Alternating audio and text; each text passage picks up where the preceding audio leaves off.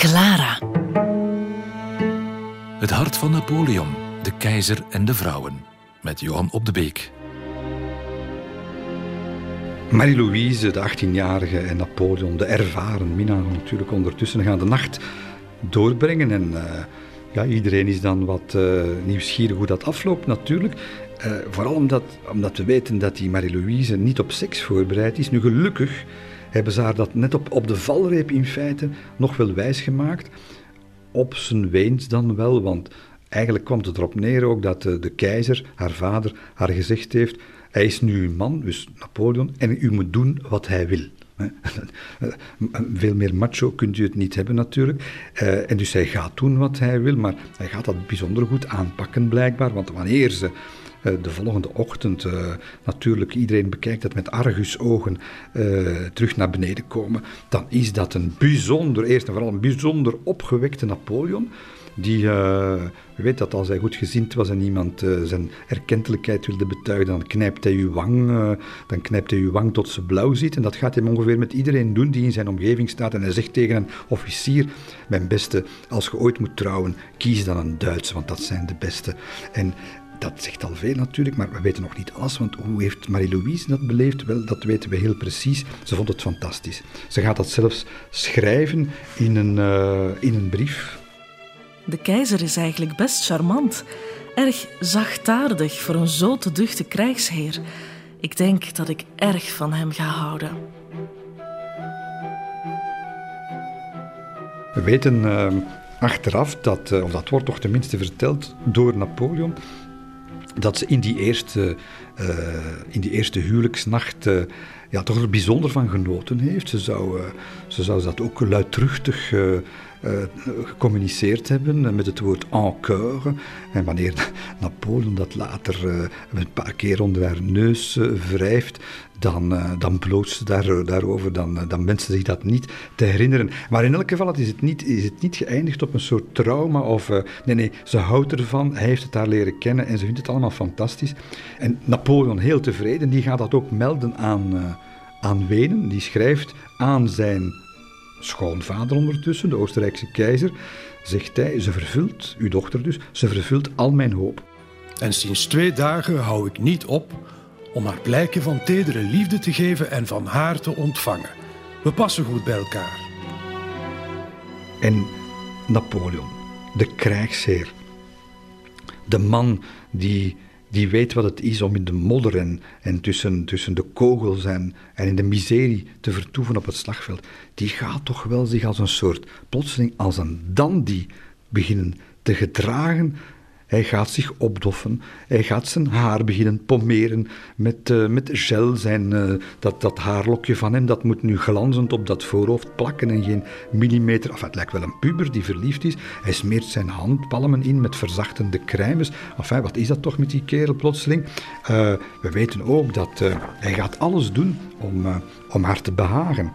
in, in, in de dagen voor, voor ze aankomt in Frankrijk heeft hij ook plotseling het idee van ik moet, ik moet toch zorgen dat ik de Weense wals beheers. En hij kan nu dansen, hè, want ze hebben hem dat trachten wijs te maken al veel vroeger op de militaire school. Dat heeft alleen maar geleid tot een aantal kapotte stoelen waarmee hij moest uh, fake dansen. En het is uh, Stéphanie de Beauharnais, nogthans de Beauharnais, die hem gaan trachten te, te, te laten walsen. Hè. We gaan verschillende avonden walslessen nemen en dat leidt tot hilarische tafereelen. Want Napoleon met zijn, uh, met zijn laarzen en zijn kolonelsuniform, die, die walst niet, nee, die beweegt zich als een houten klaas over de, over de dansvloer. Tuimelt is een paar keer met zijn snoet tegen het mooie plancher. En het is uiteindelijk Stefanie die niet meer bijkomt van het lachen en die zegt van, ja, uh, u bent wel ge, uh, gemaakt om te lijden op het, op het politiek toneel maar lijden in de dans, dat, dat, dat gaat je nooit kunnen. En hij moet dat toegeven. Enfin,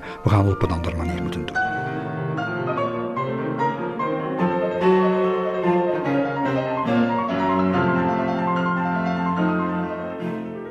Het wordt een mislukking, dat dansen. En hij zegt, elke leeftijd heeft zijn eigenheid en ik ben hier te oud voor. Dat zegt dus de man die gaat trouwen, ja, toch wel met een meisje dat, hè, niet te vergeten, 23 jaar jonger is. En hij gaat alles doen om, uh, om dat leeftijdsverschil te bemantelen. Hè. Uh, hij, wordt, hij wordt speels. Hij, uh, hij gaat door de gangen rennen. Men gaat hem zien rennen door de gangen als een jong veulen met, met die Marie-Louise. Gichelend zitten ze elkaar achterna.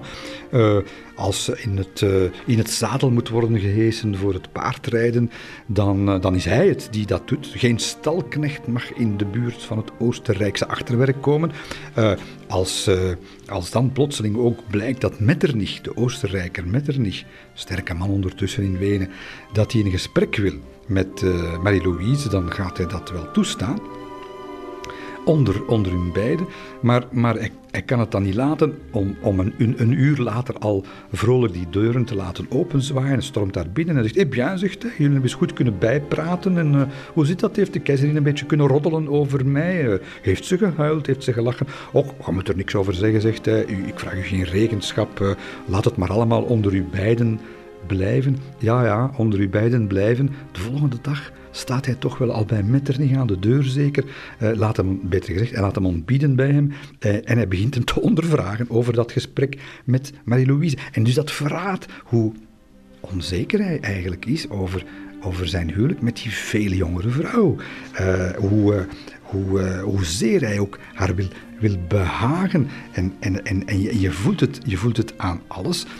hij eh, ja, hij, hij, wordt, hij wordt een beetje de man die, uh, we weten wat er gebeurd is met Josephine en met al die minaressen en, en dergelijke meer. Het wordt een andere man, want dat minneleven van hem, dat verdwijnt helemaal. Eh, er is, er is in al die jaren, van al die jaren, die enkele jaren dat ze samen geweest zijn, is er geen sprake meer van, uh, van, van buitenechtelijk, van, van overspel en dergelijke meer. Dat, dat, is, dat is weg. En hij hij, begint te doen wat zij wil dat er gebeurt. En, en dan nog wel bijvoorbeeld in, uh, in bed. Dat is iets waar hij zich later zal, zal uh, nog, nog druk over maken. Wanneer hij bijvoorbeeld wenst om, om, uh, om seks te hebben, dan zal dat op haar voorwaarden zijn. Hè. Dan, hij noemt dat, als ik bij haar kwam, pour la petite histoire noemt hij dat dan. Dan, uh, dan als ze geen zin had, dan had ze geen zin en dan kon hij ophoepelen, Napoleon. Uh, en als het uh, te koud was, het was altijd koud in de kamer van, van, van Marie-Louise, dan, uh, ja, ze, zijn, ze is streng opgevoed. Hè. Dan, en hij niet. Hij, hij, wil, hij wil warm, hij wil, hij wil warmte, hij wil dat het haardvuur brandt. En dan zegt Marie-Louise, er geen sprake van, dat moet hier koud blijven. En hij is dan niet goed gezind, want dan gaat dat allemaal niet zo goed. En ook iets waar hij compromissen moet over sluiten in de slaapkamer, dat is het licht. Want Napoleon die kan alleen uh, de slaap vinden als het aardedonker is in zijn slaapkamer. En Marie-Louise niet, die wil dat er altijd zes kaarsen rond het bed branden. Want ze, heeft, ze is bang van spoken s'nachts. En, en ook op dat punt geeft, geeft hij toe allemaal dat, dat leeftijdsverschil. Enfin, dus dat is, dat is een onkennelijke man geworden en hij ja, hij, doet, hij doet alles om haar te behagen. Men begint zichzelf zorgen te maken. Hè, want op een bepaald moment, of schoon men, zelfs de gardesoldaten zien dat aan hem. Uh, hij is gelukkig, hij, of hij is relaxed en zo verder. Maar men begint zich zorgen te maken omdat hij zijn blik op de zaken voor de eerste keer in, uh, in uh, het bewind, in de geschiedenis van het bewind, begint zijn blik op de zaken af te nemen. De man die 16, 17, 18 uur per dag werkte, het wordt veel minder. De man die alles wilde weten, alles wilde tekenen, alles wilde zien, uh, elk bevel wilde controleren, het begint allemaal af te nemen. Bij zoverre zelfs dat wanneer in 1808 de oorlog in Spanje uh, toch wel uh, dreigt uh, valikant af te lopen, toch tenminste, het gaat niet zo goed als men mocht verhopen, wel, dan, gaat, dan is er maar één oplossing om, dat, om, dat, tijd te keren in Spanje. Dat is dat Napoleon zelf de leiding neemt van dat leger in Spanje. En tot verbijstering van, van, van de omgeving gebeurt dat niet. En daar is maar één reden voor. Daar is maar één reden voor. Hij kan niet los van Marie-Louise, van die jonge vrouw die hem toch wel blijkbaar begeestert en, amuseert en, en ja, waar hij, waar ook een band mee begint te krijgen.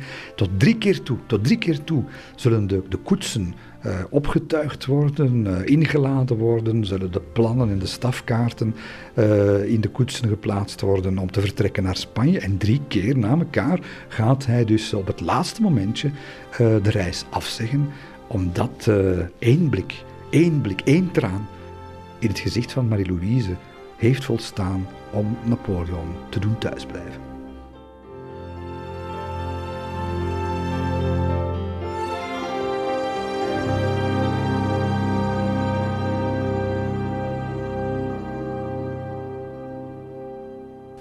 Nu, ondanks die, eh, die goed, die gesmeerd lopende relatie, Frans-Oostenrijks huwelijk, blijft er toch nog natuurlijk altijd plaats voor die twee andere vrouwen in het hart van Napoleon. En dat is uh, Maria Walewska bijvoorbeeld, die aan het einde van het jaar 1810 naar uh, Parijs komt afgereisd en ze heeft, ze heeft haar schoonzus bij, maar vooral het, uh, het zoontje, zes maanden oud, ondertussen geboren in, in Polen, Alexandre Florian Joseph Kolona Walewski. Het is zonder enige twijfel hè, de vrucht van de relatie met Napoleon en... Ehm, ze zullen worden ondergebracht, de Polen, in de Rue de la Victoire. Altijd weer opnieuw die Rue de la Victoire, die in dat verhaal van Napoleon terugkomt. En, en daar, daar worden vertroeteld. En uh, het zijn uh, altijd dezelfde uh, vertrouwelingen. Hè. Constant en dan weer Duroc, die namens Napoleon elke week komen kijken of alles in orde is. Dokter Corvisart, de lijfarts van Napoleon, die komt voortdurend langs om te zien of het met het zoontje goed gaat en, dergelijke meer. En, het, het, is op een bepaald moment, komt het tot een historische ontmoeting tussen Maria, tussen de twee, de, toch wel de echte vrouwen van, van Napoleon, tussen Maria en Josephine. Want Josephine, zij die verstoten is omdat ze Napoleon geen nakomeling heeft kunnen schenken, zij wil absoluut het kind zien, het kind van, van Maria Walewska. En ze gaan, ze, gaan elkaar, ze gaan elkaar ontmoeten en dat wordt nou, het wordt iets emotioneels natuurlijk. Hè. Ze heeft speelgoed bij en geschenken voor die, voor die kleine. En uh, ja, Napoleon gaat daar bezoeken. Hij gaat vooral met die kleine spelen in de Rue de la Victoire een paar keer. Maar we weten dat natuurlijk niet met 100% zekerheid. Maar het, ik ben er verdraaid zeker van toch wel dat het, dat het niet verder is gegaan dan dat. Uh, Maria zal zeker en vast zijn absolute genegenheid uh, behouden hebben. Hij, heeft van, uh, is van haar blijven houden tot het bittere einde, maar fysieke liefde, dat is er dat waarschijnlijk niet meer bij geweest. En waarom zeg ik dat? Wel, omdat hij als de dood was. Napoleon werd bespioneerd, hè, voortdurend, eh, door onder meer door Fouché, door de spionnen van Fouché, die al zijn stappen in de gaten hielden. En hij was als de dood voor uh, een probleem in zijn huwelijk. Want dit was niet alleen een probleem met Marie-Louise als hij, uh, als hij van Josephine scheidt, dan scheidt hij van een vrouw. Maar als hij, van, als hij een probleem krijgt met Marie-Louise, dan krijgt hij niet alleen met zijn vrouw een probleem, maar met Oostenrijk een probleem. En dus dat mag absoluut niet gebeuren. En hij, ja, hij, heeft zich waarschijnlijk uh, daar, daar dat in zijn hoofd gestoken dat dat absoluut niet mocht. En zij gedraagt zich trouwens ook heel jaloers hoor, want ze, ze, ze, wenst absoluut niks te horen over ontmoetingen met, met, met Walewska. Ze kent dat natuurlijk, dat verhaal. Maar nog veel minder, en daaraan zie je waar, hoe, waar het echte hart van Napoleon natuurlijk, waar, zijn hart, voor wie zijn hart echt klopte, nog veel minder kan Marie-Louise het verdragen dat hij in contact is met Josephine. Dat, dat in geen geval. Die Walewska, dat, dat, daar kan ze nog, dat kan ze nog plaatsen, maar, maar Josephine, dat, uh, dat nooit. Nu, ze heeft hem eigenlijk toch wel helemaal in haar greep, want of dat Josephine daar nu rondloopt of niet, en ze loopt er eigenlijk heel weinig rond, want ze mag niet meer aan het hof komen. Maar het speelt eigenlijk geen rol meer, want uh, we zijn maart en uh, wat blijkt, ze is enkele maanden na het huwelijk zwanger. En dat is natuurlijk het grote nieuws, het grote nieuws voor Napoleon, voor, voor het hele regime en voor het hele land. We zijn 19 maart 1810 en het paleis staat in rup en roer, want de weeën zijn begonnen om zeven uur s'avonds. Is Napoleon al voor de tweede keer die avond bij haar op bezoek eh, geweest. Men heeft daar een specialist bij gehaald, want het gaat niet. Het wordt een, een heikele kwestie, die bevalling. En uh, onmiddellijk wordt het hele paleis, in de, de zijn we nu vergrendeld. Uh, op elke treden van, van, van de trappen die naar de keizerlijke appartementen leiden staan grenadiers van de, van de Vieille Garde. Ja, daar kun je beter geen ruzie mee krijgen. Uh, men, men, men, men voelt de spanning in het paleis hangen. En Napoleon die, die houdt het niet meer, want om 11 uur s'avonds is er nog altijd niks gebeurd. En ja, je ziet, je ziet Constant weer, die zegt, ik, heb, ik heb hem nog nooit zo gezien. Ontroerd, bezorgd, radeloos. En plotseling zijn voor, voor Napoleon al die honderden documenten, die brieven, die rapporten. Het is van, van nul belang nog. Hè. Er is maar één ding waar hij mee bezig is. Gaat hij vader worden en gaat hij vader worden van een dochter of van een zoon? En om vijf uur s'nachts kan het niet, hij kan het niet meer. Een warm bad. Een warm bad voor Napoleon was de remedie tegen de stress bij de man. En, en hij zit in zijn badkamer en hij zegt tegen, tegen Constant, Constant het, zit, het zit niet goed man, het zit tegen. Maar ik moet zeggen, ik moet, ik moet haar bewonderen, want ze is, ze is echt, echt moedig. En nog geen 15 minuten later, hij zit daar in zijn bad, of daar komt plotseling dokter Dubois binnen, dat is de gynaecoloog. En die, uh, die, die, die, die, die, een beetje ondaan en zegt, ja, ik heb maar één op de duizend bevallingen die verlopen zoals, zoals die van uw vrouw, zegt hij, het gaat erop of eronder zijn. We gaan de ijzers moeten gebruiken. En, en Napoleon, maar die, die, als, als, door een zweepslag getroffen, die ploetert dat bad uit. Iedereen nat natuurlijk. En, en uh, Constant heeft nauwelijks de tijd om hem af te drogen. Hij stevend daar, loopt daar werkelijk door de paleisgangen tot hij in die slaapkamer is. Hij gaat naast haar zitten, pakt haar hand, streelt haar, fluistert haar moed in. Maar, maar hij kan het niet houden, hij gaat in de kamer daarnaast zitten en het gaat tot, tot negen uur duren. S ochtends en dan is het verlossende ogenblik daar en hij komt, de kleine komt en nog 26 minuten moet ze keihard vechten, pijn onderdrukken en dergelijke. En ja, de man die de man die, die tientallen keren de, de, dood in de ogen heeft gekeken, die duizenden om zich heen heeft zien, zien sterven en, en nooit versaagd heeft, die zit erbij als een verslagen iemand, doodsbleek is hij, zit in zijn handen te knijpen, wanhoop in de ogen, tot daar plotseling wordt gezegd, is voorbij. Er is een kind. En dan weten we van Constant, dan, dan weten we wat er is gebeurd. Hij gaat zich hals over kop in die slaapkamer storten. En Constant, die, die beschrijft het, die zegt met extreme tederheid heeft hij zijn vrouw omhelst, zonder maar een blik te werpen op het kind dat er voor dood bij lag. Jawel, dat zoontje, want het is een zoontje, die gaat enkele minuten geen teken van, van leven geven. En uh, ja, plotseling komt hij dan tot leven. En fantastisch. Hè? En het moment waar hij, waar hij al eigenlijk als, als politicus al elf jaar ophoopt, maar als man al ah, van, als hij, van, als hij, van, van in zijn jeugd is er nu eigenlijk. En dat is dus een heel speciaal moment en dat zal dan ook in heel Parijs met kanonschoten gevierd worden. De mensen komen op straat. Van het ogenblik dat de grote klok van de Notre-Dame in het midden van de nacht was beginnen te luiden, tot het geschut de gelukkige bevalling van de keizerin verkondigde, had een onbeschrijfelijke beweging in de hoofdstad geheerst. Het leek of niemand die nacht naar bed was gegaan, maar in spanning op het goede nieuws had gewacht. Bij het ochtendgloren stroomde een menigte naar de Tuilerieën. De pleinen en de tuinen liepen vol. Eindelijk liet zich een eerste kanonschot horen. Plots heerste de diepste stilte onder de ontelbare menigte. Het aantal schoten was belangrijk. Men wist dat de geboorte van een prinses met slechts 21 schoten zou worden aangekondigd en dat van een prins met 100.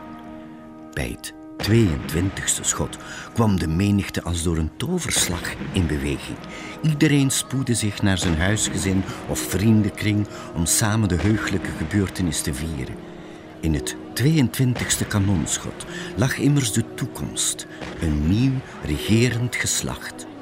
Onbekenden omhelsden elkaar op straat onder het geroep: Leven de keizer, leven de koning van Rome.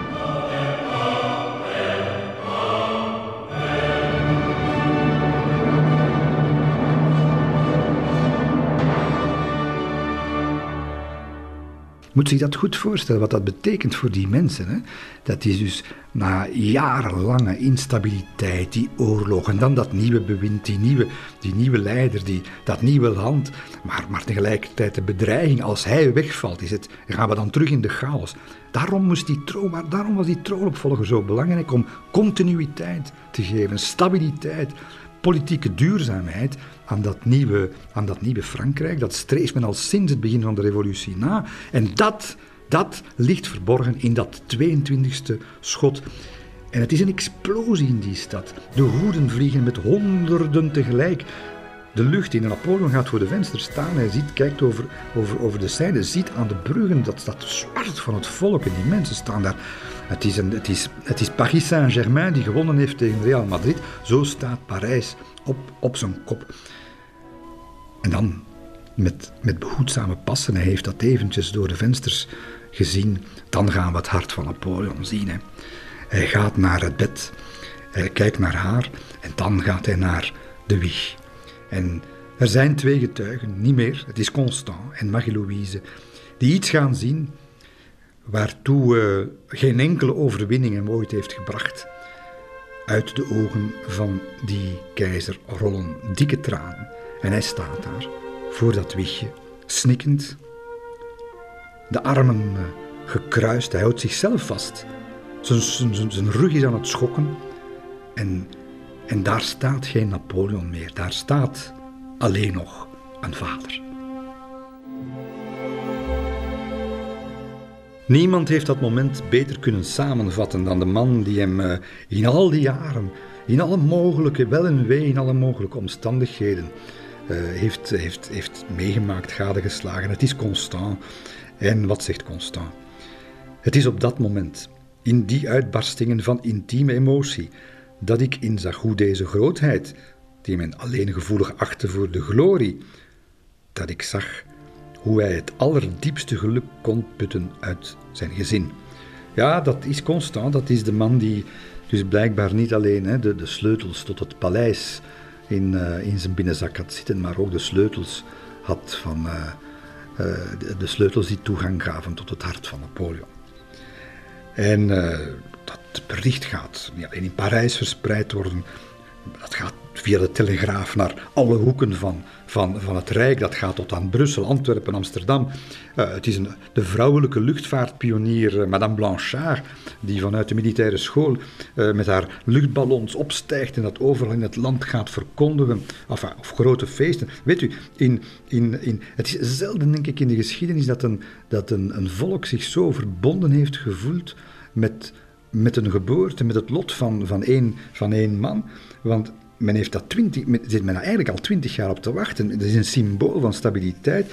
En ze gaan dus, ze gaan, de bevolking van Parijs gaat dus niet alleen de lichten aansteken en overal, maar ze gaan dus dagenlang gaan ze dus eigenlijk uh, in, in, uh, in de kanselarij van de Tuilerieën gaan ze dus aanschuiven om daar persoonlijk uh, ingelicht te worden door de grootmaarschalken van het paleis en een paar kanseliers die dus één na één mens ontvangen, gewoon om persoonlijk uh, ja, toelichting te krijgen over de gezondheidstoestand van de keizerin en vooral van, van die zoon. Dus dat, is onvoorstelbaar. Wat een belangstelling. En, en nogmaals, het gaat, het gaat om belangstelling, maar het gaat ook over, over, over hoop. Dat, dat, is maar, dat is het beste woord. Hoop op, op, op stabiliteit. Laat het nu eindelijk, laten, laten we nu eindelijk vooruit uh, met de zaak. En, uh, en, en dat ligt besloten in die, in die geboorte. Ja, dan komt natuurlijk het moment ook dat de kleine zal voorgesteld worden. En dat is ook een zeer, zeer ontroerend moment geweest. Want het is eigenlijk de, de, de dag van de, van, na de bevalling. Rond de middag gaan de deuren open van de, van de slaapkamer van, van Marie-Louise. Uh, dat is Madame de Montesquieu, die met, met gepaste trots natuurlijk, met die kleine in haar armen, uh, buiten komt. Dat is onmiddellijk begeleid door, door een, een peer van een vent, een, kolonel van de, van de Vieille Garde. Die, uh, ja, die, die man ziet eruit alsof hij uh, uh, persoonlijk. die, gaat, die wil sterven hè, voor, voor die kleine in die, in die arm van de Montesquieu. Al die grenadiers op die trappen, die presenteren het geweer. En het is Madame de la Tour du Pin die dat later zal beschrijven. Die zegt: Ik zag, ik zag bij die geharde, bij die, bij die keiharde gardesoldaten die zoveel hadden meegemaakt, daar rolden de tranen over de wangen, terwijl ze stokstijf in de houding stonden. En later gaan die officieren van die gardesoldaten allemaal hun snor, dat is hun trots, hè, hun snor, allemaal hun snor afscheren en ze gaan die haren schenken voor de vulling van het eerste oorkussentje van de zoon van de chef. Ja, emotioneler kan het niet zijn natuurlijk, tenzij dan het moment, het grote moment waarop de Montesquieu dat salon, het keizerlijke salon, officieel betreedt met, uh, met de kleine. En, en dan gaat iedereen de zakdoek boven natuurlijk, want dan gaat Napoleon voor het eerst, dus in het openbaar, die, uh, die baby in de armen krijgen. Uh, het is de troonopvolger. Het is vooral zijn zoon, En het is uh, de naam die natuurlijk nu gaat tellen. Hij krijgt voorlopig de titel de koning van Rome mee, maar in het hoofd van Napoleon en in het hart van Napoleon is dit Napoleon II.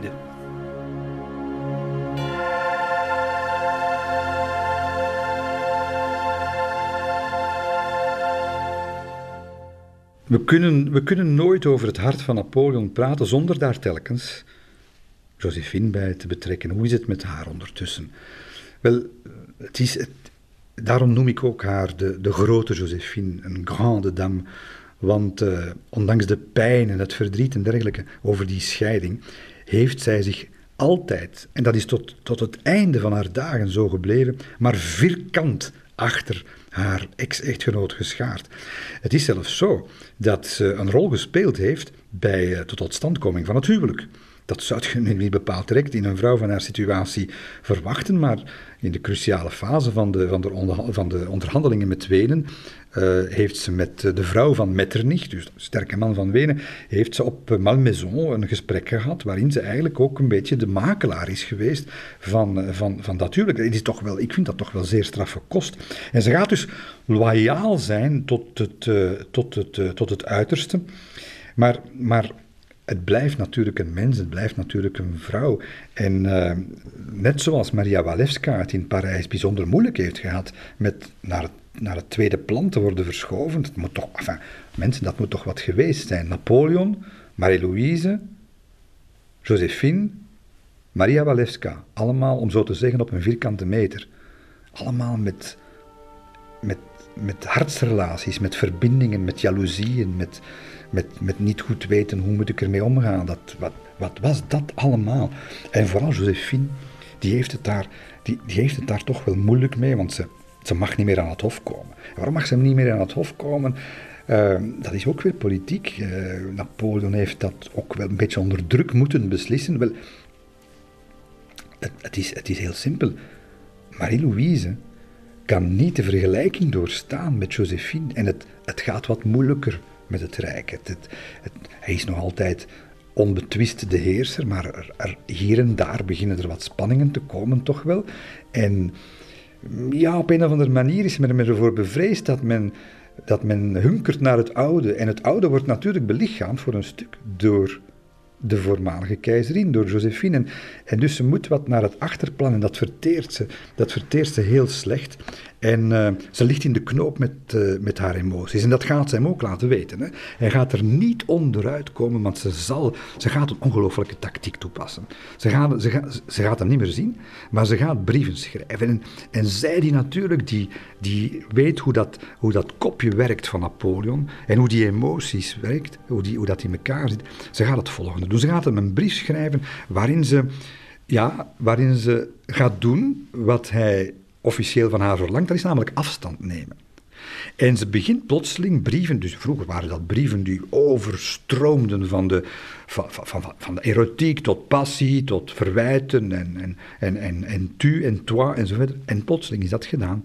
Dat wordt een onderdaan die een brief schrijft aan het staatshoofd. En bijvoorbeeld zal ze schrijven op een bepaald moment: Kijk, ik zal nimmer nalaten uw majesteit alle geluk toe te wensen. Ik zal nimmer nalaten Uwe Majesteit alle geluk toe te wensen. Misschien zal ik ook wensen dat ik Uwe Majesteit eens mag terugzien. Maar Uwe Majesteit mag gerust zijn. Ik zal me niet opdringen en zijn nieuwe situatie respecteren, in stilte. Ik vind steun in de gevoelens die mij ooit toedroeg en ik zal niet nieuwe proberen uit te lokken. De gerechtigheid in zijn hart zal hem het juiste ingeven. Ik beperk mij tot het afsmeken van een kleine gunst, en dat is dat hij zich zou verwaardigen om mij en de mensen die mij omringen een klein teken te geven dat ik nog steeds enige erkenning en vriendschap waard ben. Wat dit teken ook mogen zijn, het zal mijn smart verlichten zonder het geluk van Uwe Majesteit op enige wijze te bezwaren. En dat is het belangrijkst. Dus uw majesteit, lezen we hier. U. En, en Napoleon die krijgt dat te lezen en hij gaat exact doen wat ze met die brief van plan was. Want hij kan zich niet houden. Twee dagen later schrijft hij onmiddellijk terug. Mon ami, ik heb uw brief ontvangen. Ik vind hem getuige van slechte smaak. Mon ami, ik heb je brief ontvangen. Ik vind hem getuige van slechte smaak. Ik ben nog steeds dezelfde. Mijn innerlijk verandert niet. Ik weet niet wat Eugène je nu weer heeft wijsgemaakt, maar ik heb je niet geschreven omdat jij het ook niet deed. En ik dacht dat je het op die manier graag had. Meer zeg ik er niet over, totdat je mijn brief vergelijkt met de jouwe. Ik laat je dan zelf oordelen wie hier het meest om de andere geeft, jij of ik. Adieu, mon ami. Hou je sterk en wees rechtvaardig voor mij, zowel als voor jezelf. Napoleon. Je voelt, hij is, hij is verbijsterd dat zijn hartsvriendin, want zo ziet hij haar nog altijd, hij, heeft, hij is wel gescheiden van haar, maar, maar dit is zijn kameraad, dat die plotseling uw majesteit en die afstand in die brief, en hij kan het niet verdragen. Dit, dit gaat door zijn hart. En Josephine krijgt die brief, beseft onmiddellijk, leest wat daar staat, en die beseft dat ze, dat, ze, dat het spel gewonnen heeft. Ze heeft hem met uw majesteit aangesproken in de derde persoon, en na 15 jaar intimiteit treft hem dat natuurlijk. En hij in zijn brief gaat daar niet mee, gaat terug in het oude tu spreken, mon ami en dergelijke meer. En dus heeft Josephine de opening via briefwisseling, de opening gecreëerd waar ze naar gestreefd heeft. En ze laat die kans, ze laat die kans natuurlijk niet liggen, maar ze gaat onmiddellijk weer een brief schrijven en die gaat deze keer heel anders klinken. Duizendmaal dank dat je me niet vergeten bent. Je, daar hebben we terug. Duizendmaal dank dat je me niet vergeten bent. Hoe vaak heb ik je al willen schrijven, maar ik begreep telkens de redenen van je stilzwijgen en ik vreesde dat een brief je verstoord zou hebben. De jouwe was echt een vertroosting voor me. Wees gelukkig, wees zo gelukkig als je verdient te zijn. Ik zeg het je vanuit heel mijn hart. Je hebt me ook mijn deeltje geluk geschonken. Niets is me zo dierbaar als een blijk van je herinnering aan mij. Adieu, mijn vriend.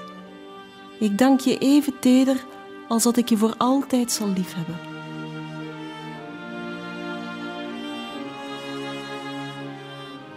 Ja, ja, die Josephine die wist hoe ze het haar Napoleon moeilijk moest maken om, om van, van haar vanaf te, te komen. Uh, dat, dat heeft niet belet dat, dat het bij Marie-Louise, de echtgenote, dat het ondanks de afstand die Josephine gaat houden, dat dat toch, ja, dat mensen wordt toch heel jaloers hoor, want ze, gaat, ze, zelfs, ze wordt zelfs hysterisch uiteindelijk. En ze eist op een bepaald moment van haar echtgenoot, van Napoleon, zet een punt achter het verhaal Josephine. Hè. Uh, en, vanaf het moment dat ze zwanger is, trouwens, zal, zal Napoleon daar voor een groot stuk in, uh, in meegaan. Hij durft dat dan weer niet rechtstreeks zeggen aan Josephine. Zo is het dan ook weer, schakelt dan Claire de Musat in om dat, uh, om dat te doen. En, en Claire de Musat moet dan gaan zeggen van, ja, je moet, je moet, je moet op afstand blijven. En Josephine, sluw als ze is, die doet alsof ze dat niet begrijpt helemaal. Wat is er nu aan de hand? En ze schrijft weer eens een brief aan Napoleon. En, ze, en nu is het de verschoppeling die, die de pen hanteert. En ze zegt Bonaparte. En Bonaparte, dat is niet zoals wij Bonaparte zeggen. Bonaparte tussen hen, dat is een koosnaampje. Dat is, dat is Malmaison. Dat is de Rue de la Victoire. Dat is het bed van de eerste dagen. Bonaparte, zegt ze. Je hebt me beloofd me niet in de steek te laten. Ik heb je advies nodig. Bonaparte, je hebt me beloofd me niet in de steek te laten. Ik heb je advies nodig. Ik heb slechts jou in deze wereld. Je bent mijn enige vriend. Wees eerlijk tegen me. Kan ik naar Parijs terugkeren of blijf ik hier? Weet dat ik dolgraag dichter bij jou wil zijn, vooral als ik de hoop zou mogen koesteren om je te kunnen zien maar als die hoop ijdel is, wat zal mijn lot deze winter dan zijn? Misschien maak ik meer kans als ik nog zeven of acht maanden uit je omgeving blijf, want in die tijd kan de keizerin nieuwe rechten op je liefde verwerven. Neem een beslissing en als je me niet kunt schrijven, vraag dan aan Hortense om me je besluit mee te delen. Ach, ik bezweer je, weiger me je goede raad niet. Zeg tegen je arme Josephine wat ze moet doen. Het zou een bewijs van vriendschap zijn. En een balsem leggen op mijn wonden.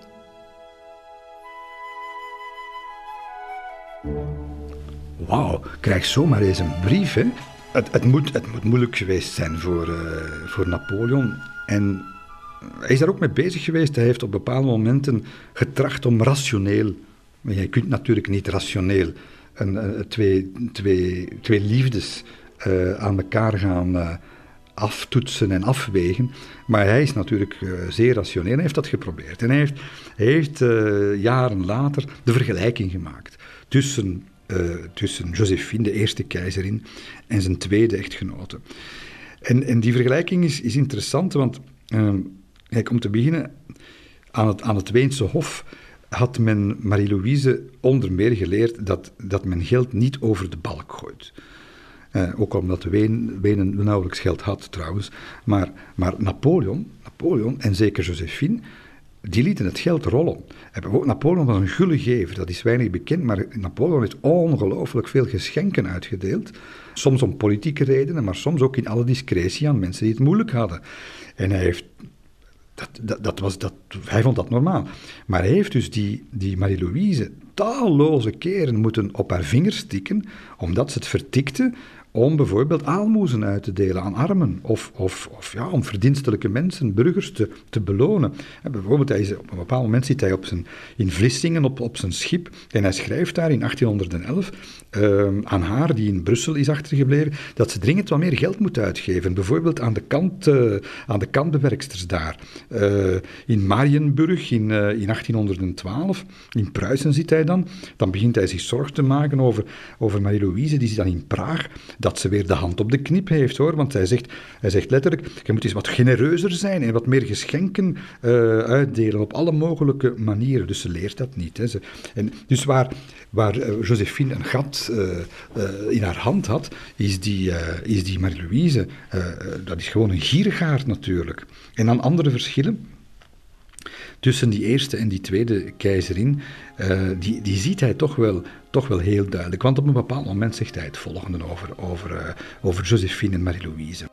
De een belichaamde kunst en gratie, de andere onschuld en eenvoud. Mijn eerste vrouw wist zich in alle omstandigheden aangenaam en verleidelijk te gedragen. Onmogelijk om haar op dit terrein op een misstap te betrappen. Ze bekwaamde zich erin om uitsluitend positieve indrukken na te laten. Al wekte ze nooit de indruk dat ze zich gekunsteld gedroeg. Alle mogelijke kunstgrepen kende ze om haar voorkomen zo gunstig mogelijk voor de dag te laten komen. Maar ze deed het met zo'n mysterieus raffinement dat men het niet in de gaten had. De tweede was daarin haar tegenpool. Deze vrouw leek er zich niet eens van bewust te zijn dat er zoiets bestond als opsmuk. De ene vrouw had geen gevoel voor de waarheid en haar eerste gedachte was altijd negatief. De andere wist niet eens wat verheimelijking was, de leugen was haar vreemd. De eerste vroeg nooit iets, maar had overal schulden. De tweede aarzelde nooit om iets te vragen als ze iets nodig had, wat bijzonder zelden gebeurde. Nooit heeft ze zich iets toegeëigend zonder zich schuldig te voelen en ervoor te betalen. Maar voor het overige hadden ze beiden een goede inborst, waren ze zachtaardig en zeer gehecht aan hun man. Veel mensen zijn het daar niet mee eens.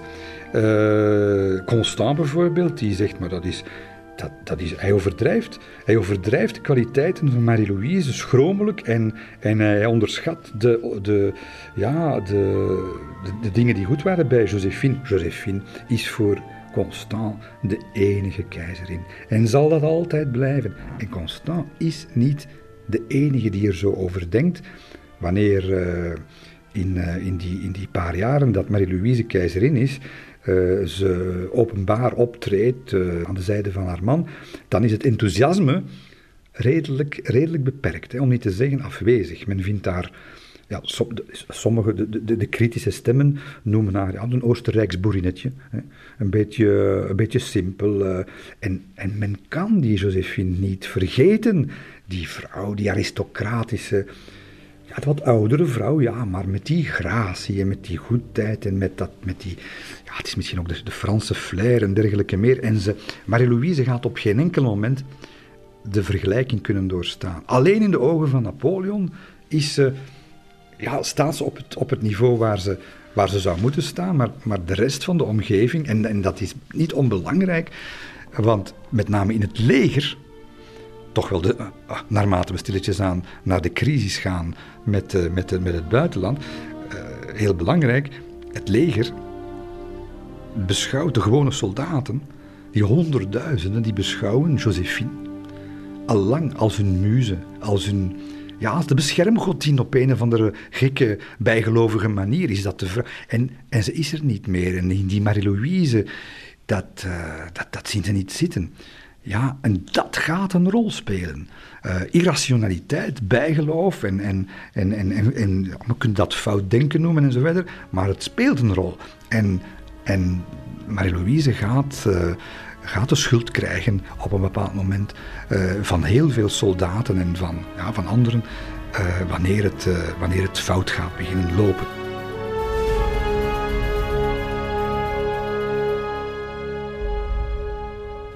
Nu, we moeten niet uh, voortdurend Napoleon zijn oordeel uh, horen over vrouwen, maar laat ons eens bekijken hoe hij nu zelf zich gedraagt. En ja, ik ben geen psychiater, maar, maar het, het, kan toch niet anders dan dat uh, het verleden met vrouwen weegt op zijn manier hoe hij nu met zijn, met zijn jonge vrouw, veel jongere vrouw, omgaat. Want de, de, de relatie vertrekt van from scratch. Het, is, blanco, ze hebben geen... Ze, hebben geen, ze, vertrekken niet met problemen, zoals de relatie met Josephine vanuit toch een, een lastige situatie is vertrokken. Maar de oude wondes, die zijn nog niet geheeld hoor. De, de wondes geslagen door de ontrouw van Josephine in het begin van hun relatie, toen hij weet u nog, in Italië als jong generaal uh, zijn leven riskeert, uh, honderden brieven schrijft, niet beantwoord wordt. Uh, Josephine die hem, die hem laat stikken uiteindelijk. En, dat, dat heeft dat. en dan uiteindelijk leert hij dat hij bedrogen is en zo verder. De horen is opgezet. Dat heeft, het is niet genezen, dat trauma. En dat gaan we zien in die relatie met Marie-Louise, want hij heeft eigenlijk geen enkele reden om, om wantrouwig te zijn tegenover zijn, zijn tweede vrouw. En toch is hij dat. We weten dat omdat hij allerlei maatregelen heeft genomen, opdat ze geen minuut, maar letterlijk geen minuut alleen zou, zou zijn. Ze wordt dus min of meer bewaakt door, door zes uh, hofdames die in een soort shift-beurtrol uh, 24 uur per dag bij haar moeten zijn, etiketten. Uh, er is een, een, dame die voor haar slaapkamerdeur slaapt. Je komt daar niet binnen of je moet, je moet, je, moet, je moet langs die vrouw. Um, de toegangen worden zelfs vergrendeld. Er is maar één deur naar, s'nachts naar, naar de vertrekken waar zij, waar zij zich bevindt. Uh, we, hebben, een getuigenis, een, een zilversmid die daar, uh, uh, wanneer Napoleon plotseling onverwacht op bezoek komt in, in haar appartement, dan, dan, dan, ziet hij, dan hij een zilversmid die, die de werking van een bepaald instrumentje aan Marie-Louise aan het, aan het uitleggen is. En hij weet dat niet. Wel, hofdame die dat had moeten melden of beletten zelfs, die krijgt een, een bolwassing. Pianoles. Uh, hij hoort dat uh, de pianoleraar dat die op hetzelfde bankje zat. Ja, hoe kan het ook anders als je piano leert aan iemand uh, als Marie-Louise? Oh, dat, dat, dat stemt hem bijzonder boos. Dat is onbetamelijk. Kleermakers. Kleermakers die voortdurend jurken maken voor Marie-Louise. Wel, die hebben daar nooit aangeraakt. Hè. Dat gebeurde op paspoppen, op modellen. Daar mocht geen hand aan dat lichaam. Ach, dus achterdochtig, jaloers. En toch, het is nooit tot scènes gekomen, um, zoals dat met, met Josephine het geval is geweest, maar, maar hij, was, uh, hij, was, hij was achterdochtig, jaloers en tegelijkertijd in haar ban. Hij laat ook alles toe.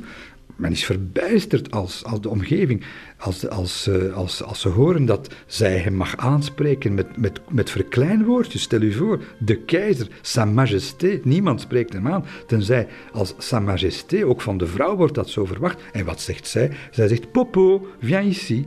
Napo, je t'aime. Enfin, dat valt daarvan achterover als zijnde hofmaarschalk. En zij mag dat allemaal. En hij laat dat allemaal toe. Dus dat, dat zegt veel over Er is iets veranderd in, in hem. Die relatie is, is heel anders dan, dan hoe, het, hoe het vroeger is. Hij is geflatteerd. Hij is, die voortdurende aandacht die hij krijgt, die, die toch wel, mogen we toch aannemen, oprechte liefdesbetuiging van dat, van dat piepkuikentje dat Marie-Louise is. Hij vindt dat fantastisch en hij is dol daarop. En het is, ja, zij is natuurlijk de, ja, niet te vergeten, hè, de moeder van, van, van zijn zoon, van de troonopvolger. En dat allemaal maakt haar positie ongenaakbaar. Die zoon, niet te vergeten, zijn scènes die we niet kennen, omdat we altijd Napoleon uh, ons op een paard voorstellen op een of ander slagveld, terwijl het een, een, een beperkt deel is van het verhaal. Maar Napoleon ziet voortdurend uh, grappen te maken op de grond met zijn, met zijn zoontje. Uh, ze, ze, die, als dat zoontje de chocoladesaus over, over, zijn, over zijn gezicht smeert, dan vraagt Napoleon, ik wil het ook. En dat zoontje mag dan die, die hele keizer vol chocolade gieten. Uh, als er met de saus gesmost wordt aan tafel, dan, vindt hij, dan kletst hij op zijn, op zijn dijen van het lachen, vindt dat fantastisch. Niemand begrijpt er wat van, want zo, zo kennen ze hem niet. Het is een papa met zijn kindje. En dan is het natuurlijk ja, dan zijn er een paar momenten met dat kind dat, uh, dat je toch beklijven hoor. Want hij gaat op een bepaald moment niet kunnen weerstaan aan uh, de vraag van opnieuw Josephine om Napoleon II te zien. Ze wil die kleine zien. Ze heeft al hè, Alexandre van, van Maria Walewska gezien, maar dit is nog iets anders. Dit, hier, hier draaide het om. Dit is het kind dat zij had moeten krijgen, Josephine. En het zal gebeuren. Uh, ze gaat uh, de verstoten keizerin in het grootste geheim in uh, het kasteel van, van de Bagatelle, in het Bois de Boulogne. dat is een soort lusthof, je kunt dat nog altijd gaan bekijken trouwens. En daar gaat ze afspreken met Madame de Montesquieu, dus de, gouvernante. Die brengt de kleine daar, daar naartoe en daar gaat dus die ontmoeting plaatsvinden tussen Josephine en, en het kindje dat zij, dat zij had moeten, uh, moeten, moeten baren. En dat, dat, dat, dat weten we ook weer van, van getuigen die zeggen: niets ter wereld was ontroerender dan de vreugde van deze buitengewone vrouw bij de aanblik van, van Napoleons kind. En zij heeft daar geweend. Ehm, en, en dat moest natuurlijk in, in, in, in groot vertrouwen, in groot geheim gebeuren. Moest Marie-Louise dat weten, dan zou Napoleon nogal een, uh, nog, nogal een optoffer gekregen hebben thuis. En dat betekent ook dat dat niet lang, dat dat niet lang kon blijven duren. Ze heeft, hem een paar keer gezien, uh, de kleine. Uh, maar, maar ja, een kindje gaat natuurlijk zijn mond voorbij praten, dat is duidelijk. En dus op een bepaald moment moet dat stoppen en dan zal er geen ontmoeting meer, meer, meer gebeuren. Maar ja, dat zijn toch, dat, dat zijn toch dingen om daar slik je toch wel even van. Hè? En ook over de, de vader-zoon relatie uh, is het toch, ik heb dat uitgerekend, um, ze hebben elkaar um, van, van, van drie jaar ongeveer, hè, is die, heeft, dat, heeft dat geduurd. En wel geteld 572 dagen hebben vader en zoon elkaar gekend. Chocoladesaus en verder. Maar 556 dagen hebben ze gescheiden geleefd in die periode dat, uh, dat Napoleon regeerde. En dat komt natuurlijk omdat uh, uh, op een bepaald moment de internationale situatie uit de hand gaat lopen met de Russen, die eerst getalmd hebben om dat politieke huwelijk te sluiten, die dan meer en meer tonen dat ook zij expansie nastreven in Europa. En die uiteindelijk het, eh, de, de blokkade tegen de Engelse koopvaardij gaan opheffen en daardoor een fatale slag dreigen toe te brengen aan het keizerrijk, dat, daar moet een afrekening, daar, men gaat naar een afrekening. En ja, op een bepaald moment uh, gaat, uh, gaat Napoleon moeten beslissen om opnieuw de wapens op te nemen, die toch al een paar jaar zwijgen, in, behalve dan in Spanje, maar in, in, in, in 1812 komt het tot een, tot een crisis en, en zal hij opnieuw ten oorlog trekken. En dat betekent dat de, de, ja, de jaren waarin je normaal als vader met je zoontje wat, wat begint komt te communiceren, waarin er echt wat kan beginnen groeien, de beste jaren, die gaat hij niet thuis doorbrengen. Die gaat, uh, gaat zijn zoon hem niet hebben en die zal hij doorbrengen op de slagvelden.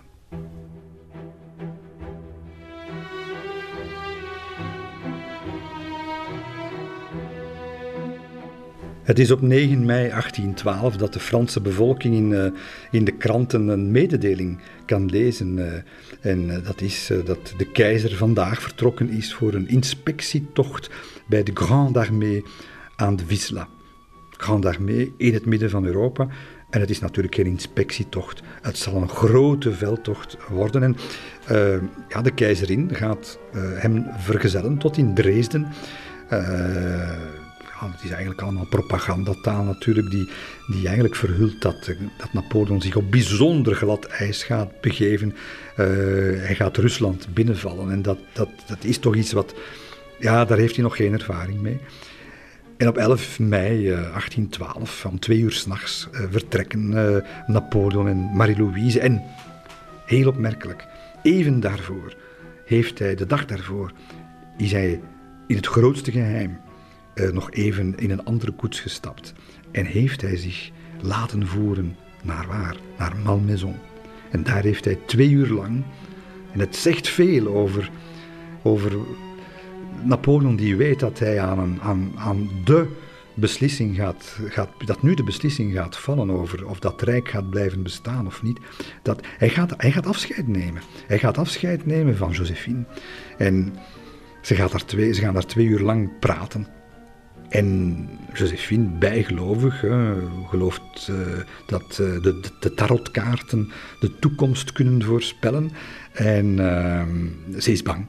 Ze, ze, drukt constant op het hart van let goed op hem, pas goed op hem, want hij gaat gevaar lopen. En we kunnen niet anders zeggen dan dat Josephine uh, misschien wat bijgelovig was. Maar ze had het wel bij het rechte eind. Napoleon vertrekt naar Rusland. Hij vertrekt naar zijn ondergang.